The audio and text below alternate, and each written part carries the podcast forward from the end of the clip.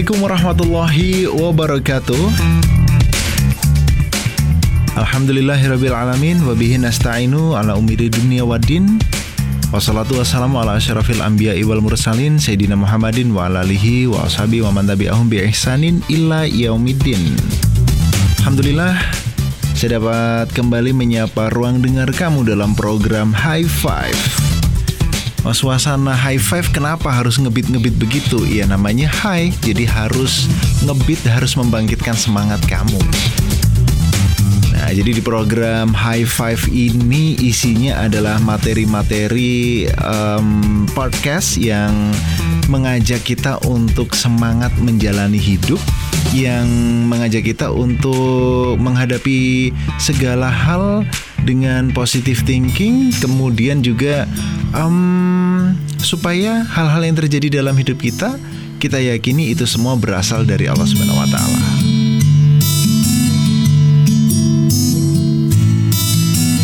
Dan di kesempatan kali ini kita akan bahas soal hobi. Hmm, hobi apa tuh? Hobi yang lagi in dan ngetrend dan mungkin kalau dibilang 5-10 tahun yang lalu istilah hobi ini istilah di dalam hobi yang akan kita bahas ini belum ada. Jadi baru muncul um, ya kurang lebih lima tahunan yang lalu lah. Kalau 10 tahun yang lalu kayaknya belum ada. Jadi remaja yang um, kamu hidup di sekitaran tahun WD hidup. Artinya masih masuk usia remaja pada tahun 2000, 2005 sampai sekitar 2012 13 atau mungkin 15 ya itu masih akan jarang mendengarkan um, hobi yang satu ini.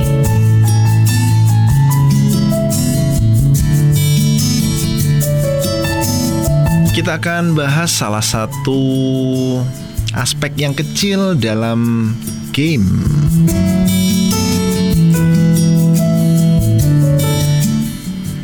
Kalau zaman dulu tuh yang namanya main game itu lawan temen main berdua itu udah waduh hebohnya minta ampun. Apalagi kalau bisa ngalahin uh, eh, CPU Widih yang katanya um, CPU-nya konsol game itu pinter banget. Program di dalam uh, apa ya dalam game itu pinter banget sehingga kita akan susah untuk mengalahkannya Nah, ketika bisa menang, maka kemenangan itu akan uh, terasa membanggakan. Kalau anak 90-an bisa namatin eh, apa yang namatin itu ya? Namatin itu bahasanya anak zaman dulu kalau anak zaman sekarang nggak ngerti.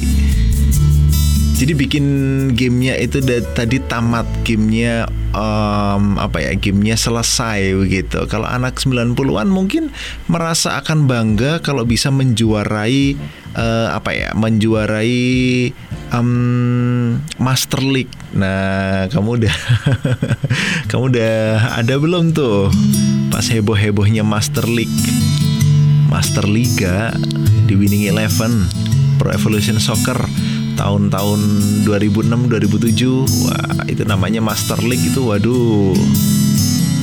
Dikasih komposisi tim yang begitu-begitu aja kemudian gimana caranya bisa juara transfer pemain. Nah atau remaja zaman old itu akan merasa bangga banget, merasa dirinya berprestasi banget kalau udah nyelesain game Final Fantasy. Dan bermacam-macam game lainnya yang membutuhkan waktu yang gak sedikit untuk nyelesainnya.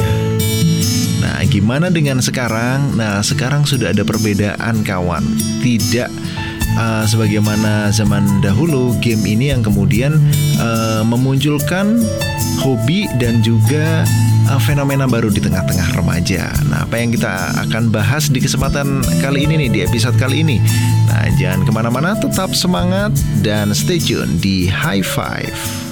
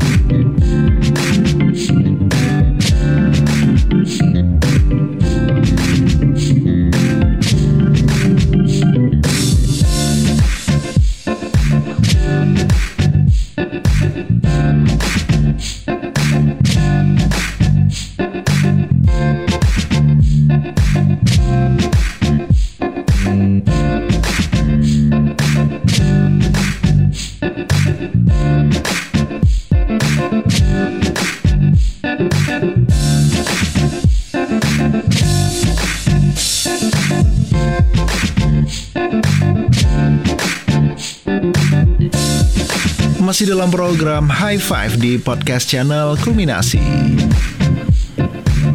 Kawan, mabar yuk.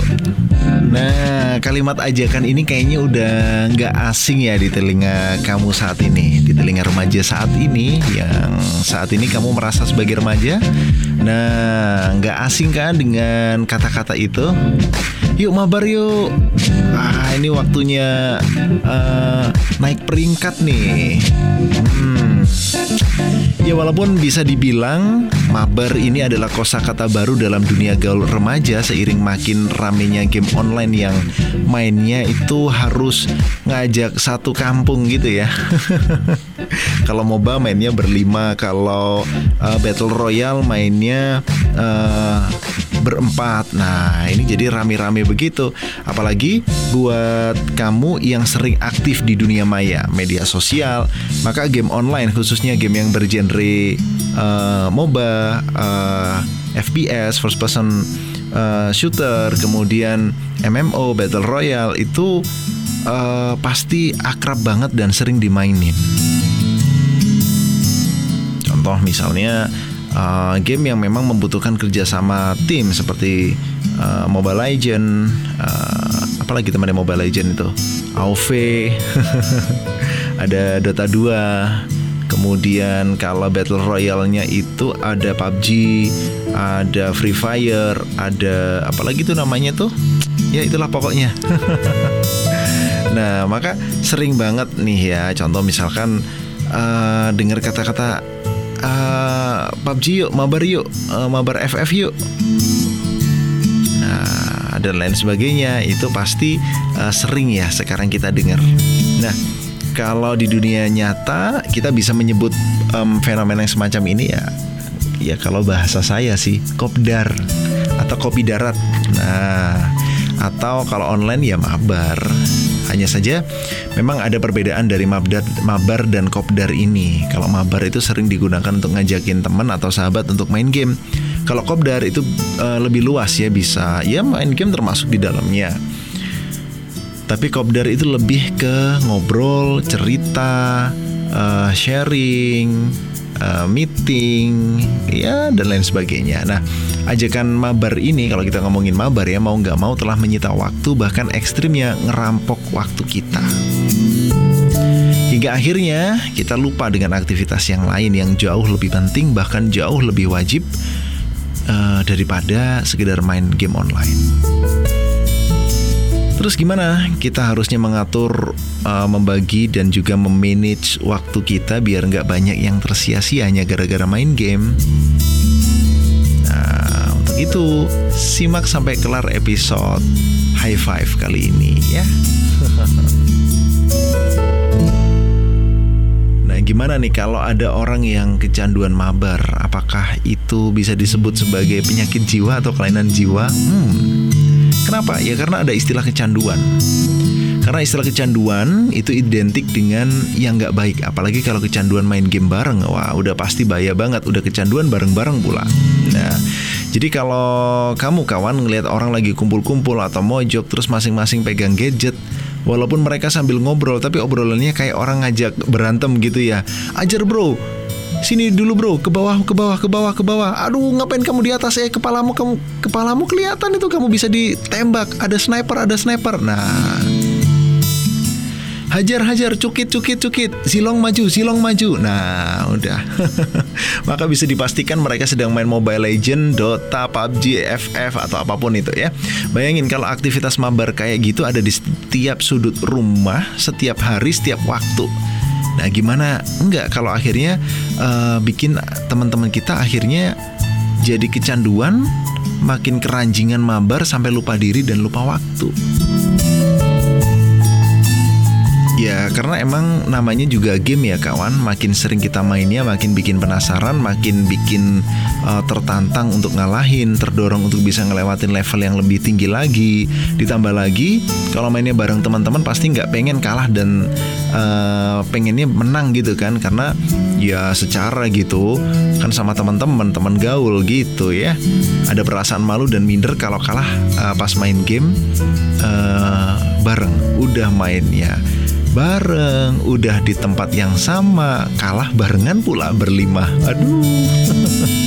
Di situlah akhirnya pemicu yang bikin seseorang makin menggilai game tersebut Dan parahnya kalau udah jadi candu nih kawan Menurut beberapa sumber Nah hal tersebut um, Akhirnya bisa uh, Apa ya Memunculkan perilaku yang identik dengan penyakit jiwa Nah kok bisa? Iya Jadi gini ceritanya Uh, tapi sebelumnya kita harus waspada waspada dulu ya.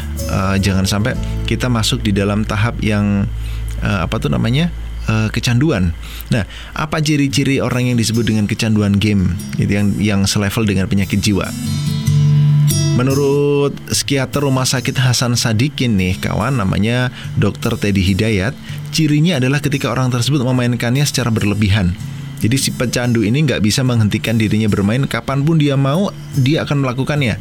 Ketika bermain game itu jadi hal terpenting dalam skala prioritasnya dibandingkan dengan kepentingan keluarga misalnya atau bermain uh, bareng teman-temannya, bareng uh, orang-orang di sekitarnya. Nah, tapi justru dia malah milih main game. Bisa jadi ini adalah tanda-tanda seseorang udah kecanduan. Nah dari hal ini kemudian masalah biasanya muncul kawan. Mulai dari PR yang nggak dikerjakan Kewajiban lain yang terabaikan dan terganggunya, terganggunya fungsi diri. Fungsi dirinya di sekolah terganggu, di kuliahan terganggu, di pekerjaan terganggu. Fungsi sebagai anggota keluarga pun akhirnya terganggu. Harusnya bisa komunikasi dengan uh, orang tuanya, dengan orang-orang di sekitarnya, orang-orang di dalam rumahnya. Akhirnya nggak bisa dan ini ternyata berlaku untuk semua jenis permainan, baik itu permainan solo maupun bersama.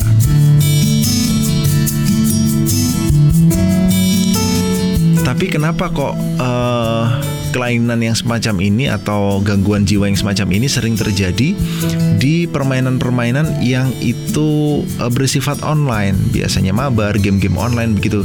Kalau permainan solo yang um, menggunakan konsol, PC, uh, eh, bahkan itu melalui gawai sekalipun, melalui handphone atau tab sekalipun. Tapi kalau sifatnya solo, kita main sendiri ngelawan ngelawan komputer gitulah istilahnya ya, ngelawan uh, lawan uh, artificial intelligence-nya uh, gadget tersebut atau gawai tersebut itu ada fitur untuk pause. Uh, jadi gamenya bisa di pause, gamenya akan terhenti dan kita bisa melakukan aktivitas yang lain. Nah, itu ada beberapa game yang semacam itu bisa di pause, kemudian ya kalau kata orang ah ini game cuman buat seneng-senengan aja nggak ngabisin waktu, dimainin 5-10 menit selesai. Atau misalnya kalau belum selesai ada keperluan, ada yang ngajakin ngomong, ada yang ngajakin ngobrol, kita perlu berangkat, uh, perlu melakukan sesuatu, udah tinggal di pause, udah dimatiin. Nanti ketika uh, dinyalain lagi, waktu lagi ada waktu luang, pas ada waktu luang maksud saya kita bisa nyalain itu dan kita nggak akan kembali ke mana-mana kecuali di titik di mana kita lagi ngepost game itu. Jadi itulah alasan kenapa game online sekarang menjadi dalam tanda kutip terdakwa munculnya uh, penyakit atau gangguan mental, gangguan jiwa baru terkait dengan kecanduan game. Ya, kalau dulu saya kecil gampang mah kalau kita misalkan uh, konsolnya yang nggak punya yang nggak ada ininya ya yang nggak ada memory cardnya zaman dulu itu zaman dulu banget gitu. Waduh jadi ketahuan usianya nih ketahuan umurnya. Udah kita hanya berharap ketika game itu tadi di pos kemudian TV itu mau dipakai untuk nonton acara bareng-bareng keluarga ya udah di pos aja. Kemudian konsolnya jangan dimatikan. Nah udah disimpan gitu ya barengan dengan joysticknya disimpan. Kalau perlu dicabut supaya nggak kepencet-pencet joysticknya. Uh, tapi adaptornya jangan dicabut listriknya jangan dicabut. Nah udah ntar kalau uh, udah selesai semua dilanjutin main lagi. Tapi resikonya, hmm, tagihan listrik membengkak, bro. Atau mungkin kalau di permainan-permainan yang udah lebih modern, ya sebut aja uh, di zamannya PlayStation itu sudah ada yang namanya memory card. Jadi kita bisa nge-save, kemudian disimpan di, di memory card. Uh, setelah itu nanti besoknya atau minggu depannya atau bulan depannya mau dilanjutin lagi nggak ada masalah dan itu uh, bisa ya ini ya bisa menahan kecanduan seseorang jadi lebih ringan gitu dibandingkan dengan game online gitu ceritanya.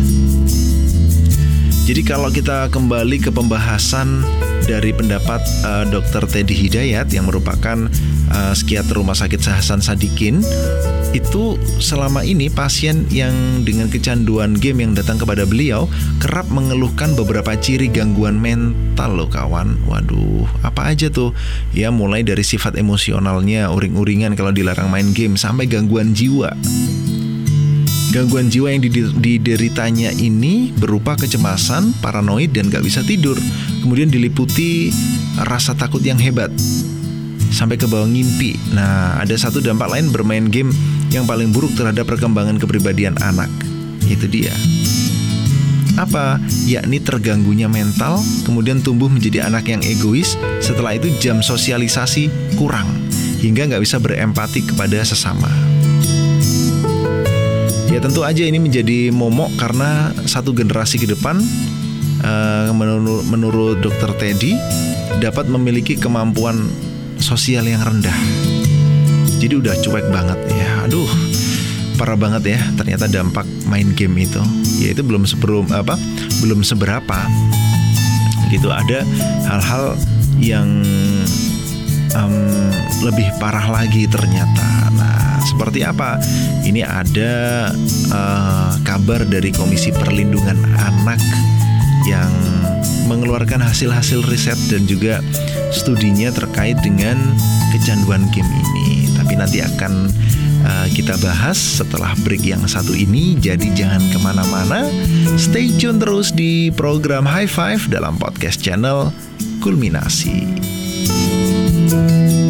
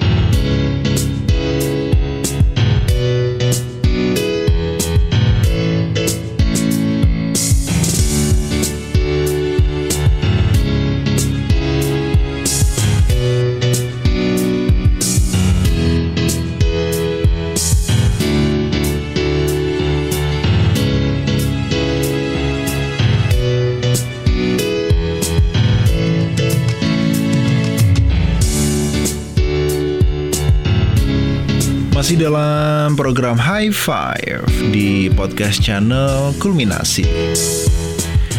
Nah, tadi kalau sudah disampaikan uh, rilis dari pendapat Dr. Teddy Hidayat yang merupakan uh, psikiater Rumah Sakit Hasan Sadikin, um, ternyata Komisi Perlindungan Anak di daerah Kota Bekasi itu juga menyebutkan telah terjadi pergeseran pola kekerasan yang melibatkan anak-anak. Yang dari semula berupa berupa kekerasan seksual yang mendominasi misalnya, kini mengarah kepada kekerasan fisik. Ketua Komisi Perlindungan Anak Daerah Kota Bekasi Aris Setiawan mengatakan hingga akhir Maret 2019 lembaganya sudah menerima 23 pengaduan terkait kekerasan anak dan saat diverifikasi jumlahnya mengecil menjadi 16 kasus dan dominannya kasus ini berupa tawuran. Dan berdasarkan penanganan yang telah dilakukannya terhadap kasus-kasus tawuran tersebut, mayoritas dipicu karena permainan game online. Ya, saya jadi ketawa sendiri nih. Iya, gara-gara main game online akhirnya keterusan di dunia nyata yang saat ini sedang populer game itu. Jadi permainan tersebut memancing pemainnya untuk mempraktikkan apa yang ada dalam uh, game tersebut dalam kehidupan nyata dan diwujudkan dengan cara-cara seperti tawuran. Hmm. Aduh, Dek, Dek.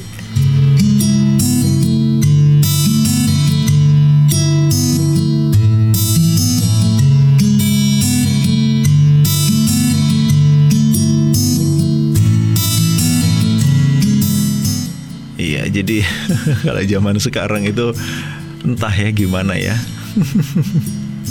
uh, apa apa kalau lagi tawuran gitu teriak heroes never fade gitu. Kayak kayak si siapa si Jilong tuh ya. Waduh ngeri banget ya. Jadi uh, anak zaman sekarang tuh ya kalau kalau zaman saya dulu ada sih. Katanya wah ini ini bukan ini ini bukan permainan yang sia-sia nih. Waktu itu lagi main CS gitu main main Counter Strike. Nah, ini kita kita lagi belajar uh, ikdat wedi. Lagi belajar angkat senjata nih lagi belajar militer lagi memperkuat fisik. Fisik apaan? Yang gerak cuman tiga jari ya kan? Jempol jari manis jari tengah. Eh jari jari manis jari telunjuk jari tengah. Pegang mouse. Kemudian tangan kirinya pegang WASD aduh lagi pakai tawuran niru-niruin game online aduh dek dek ya Bahkan WHO sendiri kawan menempatkan kecanduan main game itu disebut sebagai sebuah penyakit. Ini WHO yang bilang ya. Pada pertemuan ke-72 Majelis Kesehatan Dunia uh, pada hari Sabtu 25 Mei 2019 kemarin uh, Organisasi Kesehatan Dunia atau WHO ini telah meresmikan kecanduan bermain game sebagai penyakit modern. Nah, jadi termasuk penyakit yang diakibatkan oleh gaya hidup Menurut WHO seperti yang dilansir dari VentureBeat, uh, penyakit yang dinamai gaming disorder ini didefinisikan sebagai pola berperilaku main game yang ditandai dengan gangguan pengendalian diri untuk bermain game. Meningkatnya prioritas terhadap bermain game melebihi minat dan kegiatan lain di dalam aktivitas keseharian.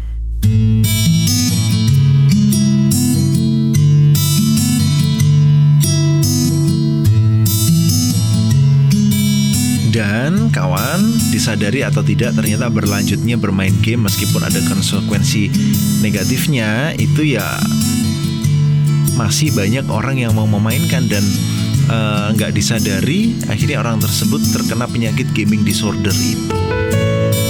Nah, tuh kan.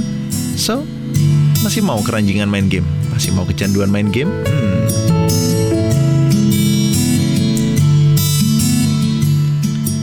Gini kawan, kalau kita mau uh, merenung sejenak ya, ternyata waktu kita di dunia ini sebenarnya cuma ada tiga.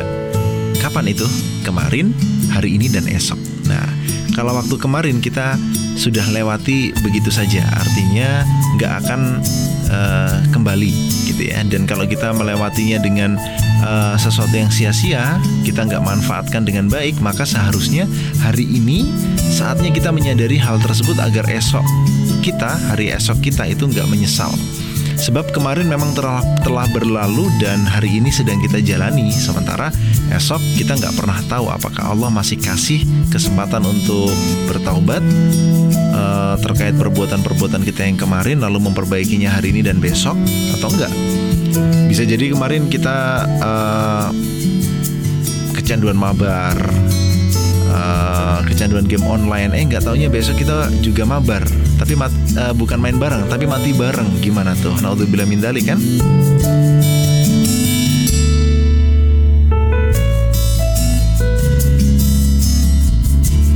Ya kecewa banget gitulah ya. Kalau lagi uh, mabar terus akhirnya mati bareng gara-gara game online. Aduh Padahal kita belum sempat ngisi aktivitas hidup dengan yang baik-baik yang Allah perintahkan gitu ya. Karena memang ajal alias maut alias mati itu nggak pernah pakai permisi kalau dia mau pamit. Malaikat Israel kalau mau datang nggak pakai ngasih tahu dulu, miss call, uh, ngechat dulu, uh, eh, DM enggak nggak ada yang seperti itu. Jadi datang aja tiba-tiba sesuai dengan apa yang Allah tugaskan kepada Israel, kepada dia untuk mencabut nyawa seseorang. Eh, pas mau dicabut nyawa kita, pas itu juga kita lagi maksiat. Duh, duh, duh, duh, ngerinya.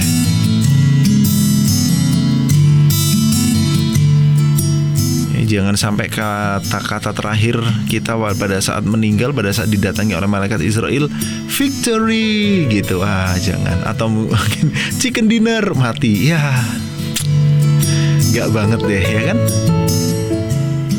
Jangan sampai lah. Nah, kemudian apakah berarti mabar alias main bareng itu maksiat? Ya tergantung main barengnya, main apa dulu dan mainnya pas waktu apa. Kalau mainnya main bareng, mainin perasaan anak orang, nggak nggak nggak nggak bercanda ya. Kalau soal mainin hati, eh mainin hati. Kalau ngobrol soal hati itu ada di Jomblo Talk, bukan di High Five ya. Nggak, maksudnya kalau lagi uh, main bareng game yang ada konten-konten maksiatnya, misalnya uh, konten-konten yang buka aurat, pornografi gitu ya, ada judinya dan uh, dan hal-hal yang sejenisnya, udah pasti itu maksiat dan bikin dosa. Belum lagi kalau waktunya main sampai ngelupain waktu sholat wajib atau malah nggak bisa sholat gara-gara main game. Jadi udahlah sholatnya bolong-bolong gara-gara main game kemudian bacaan-bacaan sholat, bacaan-bacaan doa di dalam sholat itu nggak hafal gara-gara uh, ya nggak punya waktu. Nah gitu malah asik main game. Nah daripada ngambil waktu uh, buat yang seperti itu, mendingan kita manfaatkan untuk ngafalin doa-doa di dalam sholat, iya nggak? Nah, akhirnya kalau sampai ngelupain sholat atau kewajiban-kewajiban yang lain kayak belajar, bantu orang tua, berdakwah, wah udah udah pasti main bareng mabar yang kayak gitu pasti mengandung maksiat. Kita perlu perhatikan firman Allah bahwa tiap-tiap yang berjiwa akan mati dan sesungguhnya pada hari kiamat sajalah disempurnakan pahalamu.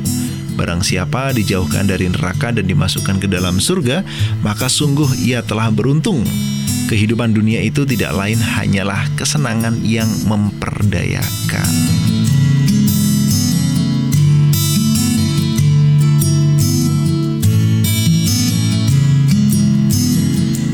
Ya, kawan, dunia itu bisa memperdayakan dan sayang banget kalau akhirnya kita diperdaya hanya dengan menghabiskan waktu kita untuk main game aja.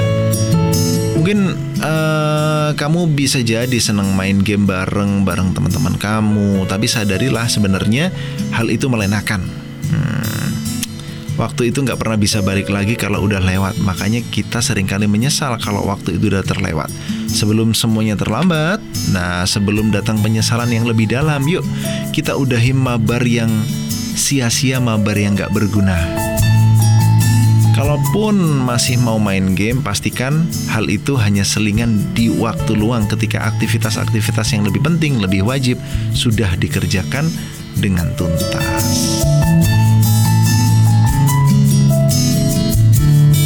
Jadi jangan sampai menjadikan mabar itu sebagai salah satu agenda di jadwal kita sehari-hari ya. Karena memang pantasnya mabar itu dijadikan sekedar-sekedarnya aja untuk ngisi-ngisi waktu luang aja. Pengen ngobrol lama sama apa, pengen ngobrol sama teman lama yang udah lama nggak ketemu. Nah, kemudian sambil mabar, sambil ngobrol-ngobrol, ya 10-15 menit cukup lah main gamenya mabarnya sisanya uh, sambil ngomong apa, sambil ngobrol yang lain. Karena apalagi laki-laki ya kalau kita kemarin kemarin bahas di program Jomblo Talk, laki-laki itu um, multi thinking dan multitaskingnya itu sangat kurang. Ya, multi thinking dan multitaskingnya itu sangat kurang. Uh, jadi kalau untuk mengerjakan sesuatu dengan dengan apa ya, dengan yang hmm, bareng-bareng itu nggak bisa gitu ya kalau cowok. Jadi lebih pinteran lebih pinter cewek dalam mengerjakan uh, multitasking gitu.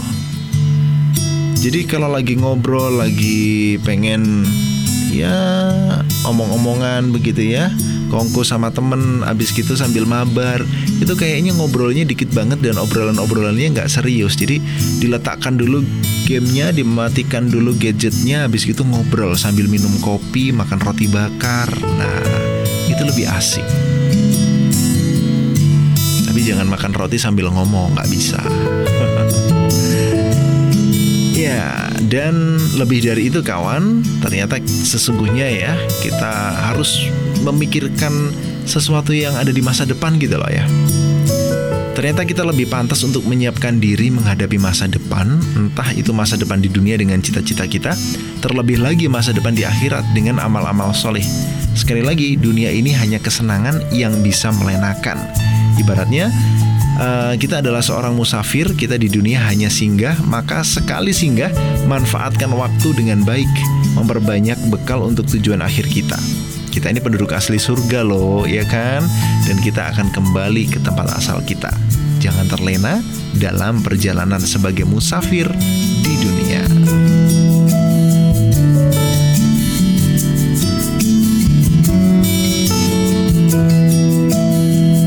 Terus gimana kalau kita pengen sosialisasi, kita pengen ngobrol-ngobrol asik, kita pengen nongkrong-nongkrong yang keren, yang ya yang santuy gitulah. gimana kalau nggak main game? Oh ada kok, tenang aja. Islam datang itu untuk memberikan solusi buat umat manusia. Jadi kita nggak usah khawatir, kita nggak bisa santai, kita nggak bisa keren, kita nggak bisa kongko di dalam uh, Islam, kita nggak bisa beken, nggak bisa keren kalau kita ngikutin ajaran Islam. Hmm, nggak seperti itu. Gimana caranya? Nah, kita akan obrolin hal tersebut setelah yang satu ini. Jangan ke mana-mana. Stay tune di program High Five di podcast channel Kulminasi.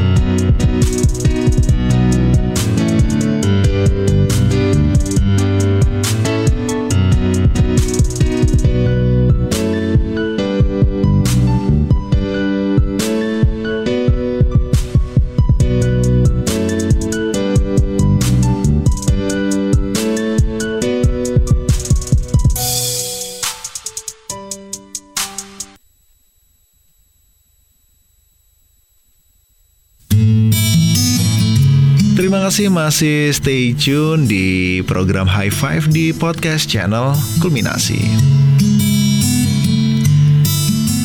Nah, gimana nih kalau sebagai seorang muslim bisa gaul, bisa seperti anak-anak yang mabar tuh bisa keren, bisa punya teman tongkrongan. Mabar alias main game online bareng itu kalau uh, keseringan kita lakukan itu kan bisa jadi kecanduan. Nah, dan bisa jadi kebiasaan atau habits kita dalam mengisi waktu. Padahal banyak banget aktivitas yang masih kita bisa lakuin di saat kita masih remaja seperti sekarang ini. Sebagaimana hadis Rasulullah Shallallahu Alaihi Wasallam yang uh, berbunyi segeralah beramal sebelum datang tujuh perkara Apakah kalian akan menanti sampai datang kemiskinan yang melupakan, atau kaya yang membuat sombong, atau sakit yang merusak kehidupan, atau tua yang melemahkan kekuatan, atau kematian yang menyegerakan, atau datangnya dajjal, makhluk goib yang paling buruk dinanti, atau datangnya hari kiamat, hari yang sangat dahsyat dan mengerikan. Nah, atau mungkin ada dalam um, riwayat yang lain ya manfaatkanlah lima perkara sebelum lima perkara ini lebih populer ya. Waktu mudamu sebelum datang waktu tua waktu sehatmu sebelum datang waktu sakitmu masa kayamu sebelum datang masa kefakiran atau kemiskinanmu masa luangmu sebelum datang masa sibukmu dan hidupmu sebelum datang matimu So, kalau kita ngobrol soal prioritas amal yang harus kita lakukan, mumpung Allah masih ngasih kesempatan di masa muda sekarang ini, yang pertama, kerjakan yang wajib, tinggalkan yang haram, rutinkan yang sunnah, hindari yang makruh, dan kurangi yang mubah. Nah, main game, baik itu yang bareng-bareng maupun sendiri-sendiri, itu masuk kategori mubah. Sementara kalau kategori mubah selama dia bisa ditinggalkan ya kita tinggalkan. Kalau memang dia bisa memberikan manfaat dan mengantarkan kita kepada sesuatu yang berpahala ya silahkan bisa dilakukan. Tapi ya gimana caranya gitu artinya gimana kita ngaturnya gimana kita meletakkan posisinya contoh misalnya nih oke kita semuanya sekarang bakalan mabar tapi sebelum mabar kita akan sholat berjamaah dulu dan setelah itu kita dengarkan kultum. Kultumnya apa? Tentang mabar. ya, artinya bisa dijadikan wasilah gitu. Jadi yang mubah ini, sesuatu yang mubah itu cenderung bisa mengantarkan kita pada kemaksiatan walaupun dia juga bisa dijadi, dijadikan sebagai wasilah untuk sesuatu yang um, berpahala gitu. tapi kalau kita hanya sekedar main game aja dan itu menjadi sesuatu yang mubah, sementara kita ngelakuin yang wajib dan yang sunnah itu uh, banyak yang belum. Nah, ini masalahnya. Atau jangan-jangan kita malah belum banyak yang tahu nih mana perbuatan yang masuk kategori hukumnya wajib, sunnah, haram, makruh, mubah gitu. Padahal kaidahnya adalah ilmu qoblal amal. Jadi ilmu itu dimiliki dulu sebelum beramal. Yap, mulai sekarang jadi jangan ditunda-tunda lagi untuk datang ke kajian, ngikutin kajian, jangan anti sama kajian. Karena dengan ngaji Islam kita jadi tahu perbuatan kia kita itu sia-sia atau enggak. Jadi mabar kita hmm, selama ini nongkrong kita untuk mabar selama ini main game bareng kita ubah dengan uh, ngaji bareng. Nah, atau namanya mabar juga maos bareng gitu. Ngaos bareng, ngaji bareng di kajian, di majelis ilmu, di halakoh-halakoh. Nah, karena di tempat seperti itulah kita akan bisa mawas diri, kita bisa tahu jati diri kita seperti apa yang selanjutnya diri ini jadi tahu apa yang mesti dilakuin selama di dunia sebagai musafir yang sekedar mampir sebagai hamba Allah yang sedang menempuh perjalanan menuju peristirahatan kita yang abadi yakni di akhirat. So, jangan ragu dan takut lagi datangi tempat-tempat kajian ilmu, datangi tempat-tempat yang bisa menjadikan diri kita menjadi ahli surga kelak. So, yuk ngaji aja.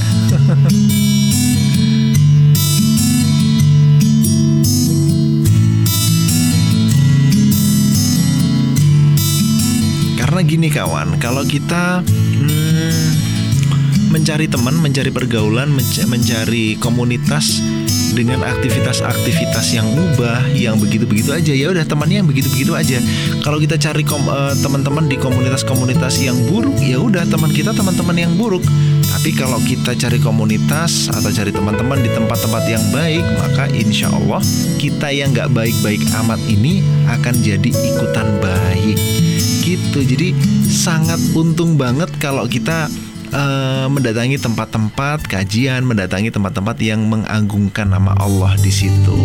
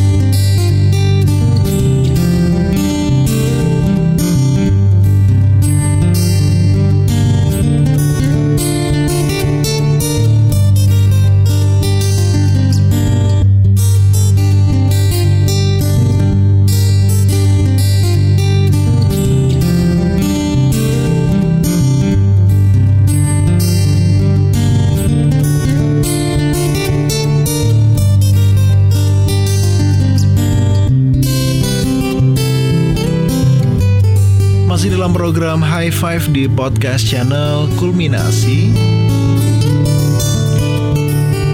Nah, maka dari itu kawan, ketika kita mencari tempat yang baik, maka kita akan dipertemukan dengan orang-orang yang baik. Kapan kita bisa menemukannya? Ya, sekarang ya saat ini juga. Jangan ditunda-tunda lagi karena kebaikan itu harus disegerakan. Kamu juga bisa nih berbagi kebaikan dengan share link podcast ini kepada teman-teman atau sahabat-sahabat serta saudara-saudara kamu supaya manfaatnya bisa dirasakan juga oleh orang lain di sekitar kamu.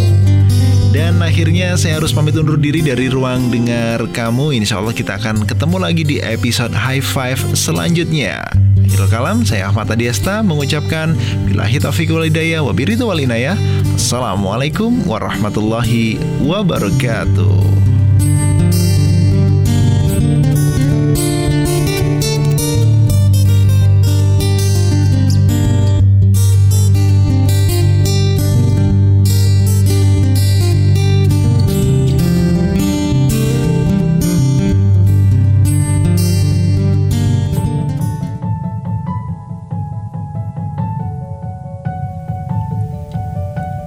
Assalamualaikum kawan, gimana? Apakah kamu merasakan manfaat dari adanya podcast kulminasi ini? Jika iya, langsung aja klik tombol follow agar kamu selalu update dengan konten-konten kulminasi. Silahkan juga share link podcast kulminasi agar manfaatnya dapat dirasakan oleh lebih banyak orang lagi. Dan jangan lupa follow Instagram kami di @kulminasi_podcast agar kita bisa saling sapa. Di sana, kamu juga bisa meninggalkan komen, saran, kritik, dan masukan agar kualitas podcast kulminasi ini dapat lebih baik lagi. Assalamualaikum warahmatullahi wabarakatuh.